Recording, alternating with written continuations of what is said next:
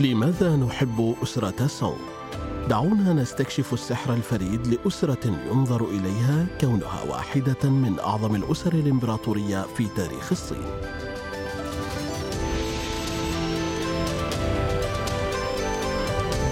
الحلقة العشرون الخمسة المشهورون في هذه الحلقة سنلقي نظرة على الأفران العظيمة الأخرى لأسرة سونغ وكيف تتلائم منتجاتها مع الحياة اليومية في مجتمع أسرة سونغ.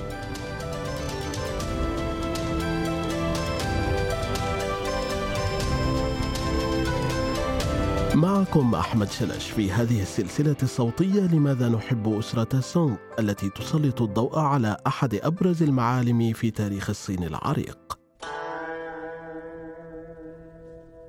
في الحلقة السابقة تناولنا تطور الخزف في عهد أسرة سونغ وكيف فضلوا البساطة والنفع. في هذه الحلقة سنتعمق قليلا لنرى كيف تناسب هذه الخزفيات التي نعتبرها اليوم أعمالا فنية لا تقدر بثمن في الحياة اليومية لأفراد سونغ. كيف استخدموا خزفهم في الطقوس والاحتفالات والأكل والشرب والزخرفة. سنفعل ذلك من خلال عمل مسحة عن المنتجات من الأفران الخمسة العظيمة للأسرة. كما تعلمنا بالفعل لم يكن كافيا لأفراد سونغ استخدام كوب أو وعاء بسيط، كان يجب أن يكون الكوب أو الوعاء المناسب. كان ذلك جزءا من التقدير الجمالي لمهمة أو فعل معين. على سبيل المثال عند شرب الشاي الأخضر اختاروا وعاء زخرفيا أبيض ثلجيا تم استخدام أوعية الشاي الأسود المزجج مع أنماط شعر الأرانب أو بقع الحجل في مسابقات الشاي لأنها تبرز لون الشاي. كانت الأواني ذات اللون الأسود المزجج اللامع مع علامات شعر الأرانب المفضلة لدى الأدباء في عهد أسرة سونغ. انتشرت سمعتهم على نطاق واسع حتى وصلت إلى اليابان، وأصبحت عناصر لا غنى عنها لكل من القادة والنبلاء.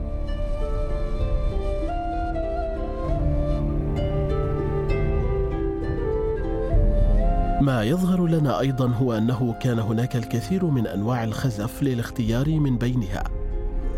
نحن نعرف بالفعل عن فرن رو ولكن كان هناك بالفعل خمسة أفران كبيرة عند أسرة سونغ من الأفضل رؤيتها كعلامات تجارية مثلما قد نقول خزف ويدجوود أو خزف سبود الإنجليزي الفاخر. قد يكون لكل فرن عدة مواقع نشطة لصنع الخزف. الشيء الوحيد في الأفران الخمسة الشهيرة لأسرة سونغ هو أن لديهم جميعا شيئا مشتركا على الرغم من إنشاء أنماط مختلفة. كانت منتجات الخزف التي قاموا بإنتاجها كلها أنيقة وبسيطة مما يعكس ضبط النفس والهدوء عند أسرة سونغ. لقد تعلمنا بالفعل عن فرن رو في الحلقة السابقة. دعنا نتعرف أكثر قليلا على الأفران الأخرى مثل دين الفرن الرسمي ومثل غ وجون ربما يستحق القول هنا إنه من المستحيل إعطاء تقدير مناسب لهذه العناصر الرائعة في حلقة واحدة. قد تتجه اللوحة أو الشعر نحو وصف جمالها ولكن إذا أمكنك ابحث عن بعض الأمثلة الرائعة في المتاحف أو المجموعات. كان فرن الدين في عهد أسرة سونغ ينتج الخزف الأبيض بشكل أساسي. كان لديه سمعة بأن خزفه الأكثر بياضا في العالم. تم تزيينها ببساطة بنقوش أو بحفر أو بخدوش أو بأنماط مطبوعة، وكان عليها طلب كبير. تم إرسال خزفيات فرن الدين إلى البلاط الإمبراطوري كتقدير خلال عهد أسرة سونغ الشمالية وبالتالي أصبحت أحيانا مخصصة للبلاط الإمبراطوري فحسب. تم صنع معظم أطباق وأوعية فرن دين بالمقلوب مع طلاء زجاجي في الأسفل ولكن بدون طلاء على الفم. كان معظم الخزف الأبيض للاستخدام اليومي مثل الأوعية والأطباق وأوعية الشاي وحوامل الأواني والأشياء التزيينية. كما أنتج فرن الدين الخزف الأسود أو المزجج بالصلصة والذي كان يطلق عليه غالبا دين الأسود أو دين البنفسجي والذي حظي بتقدير عال في جميع أنحاء العالم. تم إنشاء فرن قوان بمعنى الرسمي بعد أن ارتحلت أسرة سونغ بكل عتادها وعدتها إلى موطنهم الجديد خانجو. كان عليهم إنشاء أفران جديدة، ولكن بالطبع على الرغم من أنهم جلبوا المهارات والحرفيين معهم، كان عليهم الاكتفاء بالمواد الخام في الموقع الجديد. كان لا مفر من حدوث تغيير تدريجي في الأسلوب حيث تكيفوا من التقاليد الشمالية القديمة إلى الحقائق الجديدة في الجنوب في الواقع كان للفرن الرسمي عنوانان رائعان يقع الفرن الرسمي جياو تانشيا في حقل المثلث في جبل السلحفاة بخانجو. في هذه الأثناء كان فرن شيو ني يقع في كهف النمر في جبل العنقاء في خانجو وكان يشار إليه أيضا باسم الفرن الرسمي لكهف النمر. كانت إحدى السمات الرئيسية للأواني المنتجة في الفرن الرسمي نمط طقطقة في التزجيج ناتج عن التبريد غير المتكافئ أثناء عملية الحرق.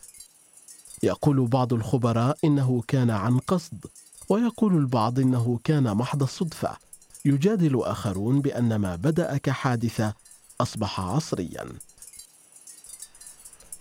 تشمل المنتجات من الفرن الرسمي لأسرة سونغ الجنوبية أكواب نبيذ برونزية وأواني وأوعية بالإضافة إلى العديد من الأوعية والأطباق والزجاجات والمواقد وأدوات الغسيل وكنوز غرفة الدراسة وأواني الشاي وأطقم البخور. تختلف ألوان التزجيج من الرمادي الداكن المزرق إلى الأزرق المخضر الفاتح المعروف أيضا باسم سيلادون. غالبا ما يوصفون بأنهم لديهم فم أرجواني وأقدام حديدية وذلك لأن الطين الذهبي الأرجواني المستخدم كأساس للخزف كان غنيا بمحتوى الحديد. وهذا يعني أنه مزجج الحافه ومحدب الفم يتدفق بشكل طبيعي إلى أسفل بعد التزجيج مما ينتج فما ارجوانيا وقاعدة بنية اللون.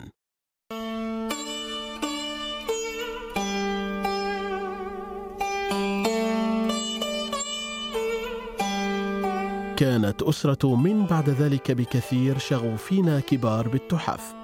ويعود الفضل في الكثير مما نعرفه عن أسرة سونغ إلى عاداتهم في جمع اللوحات القديمة والخزف والكتابات. يصف أحد حسابات أسرة مينغ كيف كان هناك شقيقان في يوم من الأيام جان شن يي وجان شن آر يمتلكان فرنا في تشوجو مدينة لونشوان الحالية في مقاطعة جيجيان. عرفت قطع الخزف التي أطلقها الأخ الأكبر باسم طقطقة مئة ضعف. ولذا تمت الإشارة إليها باسم فرن جو أي فرن الأخ الأكبر. تقول إحدى الروايات إن الإخوة صنعوا خزفا في الكهف لا يمكن تمييزه تقريبا عن ذلك الذي أنتجته الأفران الرسمية والذي لا يمكن تمييزه إلا من خلال دراسة متأنية.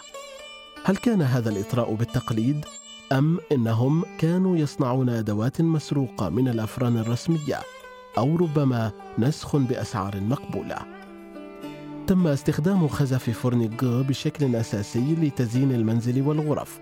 بشكل عام كان لديهم طلاء زجاجي أزرق رمادي يتم تطبيقه على جسم الخزف لتغطية كل سطحه عند دخوله النار. مثل تلك الموجودة في أواني الفرن الرسمية نتجت أنماط التكسير عن معدلات الانكماش المختلفة للطين والزجاج. وقد وصفه خبراء الأجيال اللاحقة بأنه أسلاك من الذهب والحديد وغالبا ما يتم صبغ الشقوق بالشاي بعد اكتمال عملية دخوله النار. كان آخر الأفران الخمسة هو فرن جن كان الفرن يقع في محافظة يوشيان بمقاطعة خنان. تمت إعادة تسمية المكان باسم جنجو عام 1184 لذلك أطلق على الخزف الذي تم إطلاقه في هذا المكان اسم خزف فورنيجون. يعتبر خزف فورنيجون واحدا من أشهر الخزف في عهد أسرة سونغ أيضا.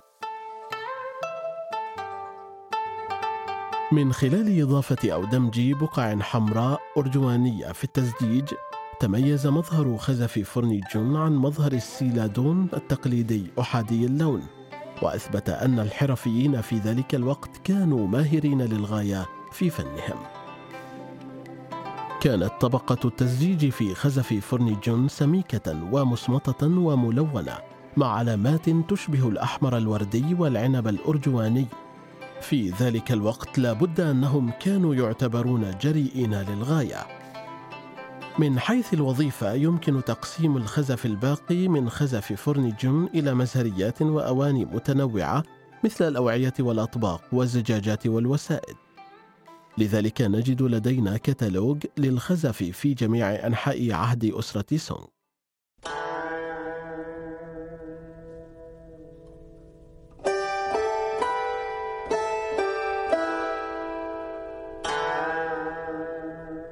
ولكن لفهم كيفية استخدام هذه العناصر وتقديرها من قبل أفراد أسرة سونغ نحتاج إلى فحص اللوحات المعاصرة في ذلك الوقت.